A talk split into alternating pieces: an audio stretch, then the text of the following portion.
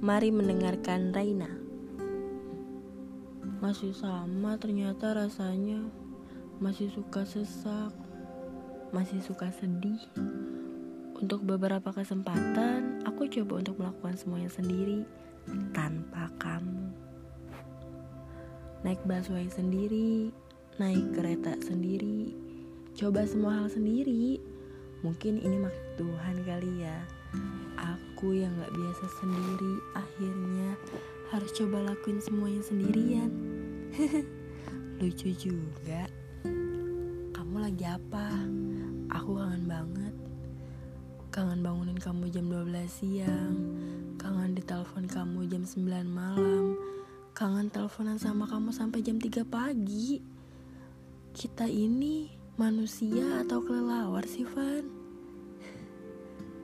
Kita ngobrol bareng-bareng Ngobrolin hal-hal yang penting sampai gak penting sekalipun Kamu di mana? Kamu harus baik-baik aja ya biarin aku di sini yang begini. Kamu masih nggak apa-apa kan kalau aku masih selalu nulis atau menceritakan tentang kamu? Aku kenal kamu baik-baik, tapi kenapa jadinya begini? Aku kira kita nggak akan ngelakuin hal-hal bodoh gini. Aku dulu selalu nebak-nebak, kira-kira kita kalau berantem, ya berantemin apa ya? Karena tiap hari kita emang berantem kan? aku kangen. Hmm, maaf ya, aku ulang-ulang karena emang aku kangen sama kamu.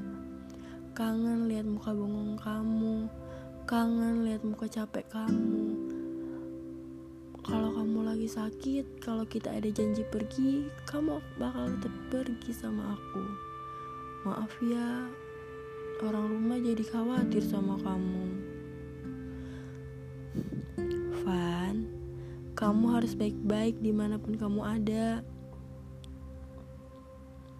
Nanti kalau aku udah ada di bulan atau aku kesesat di bumi yang gak aku pengen ini, kamu harus tahu kalau aku sayang banget sama kamu.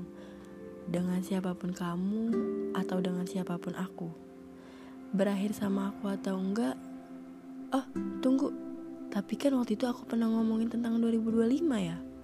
Aku gak bercanda waktu ngomong itu. aku selalu sayang kamu dengan cara aku sendiri.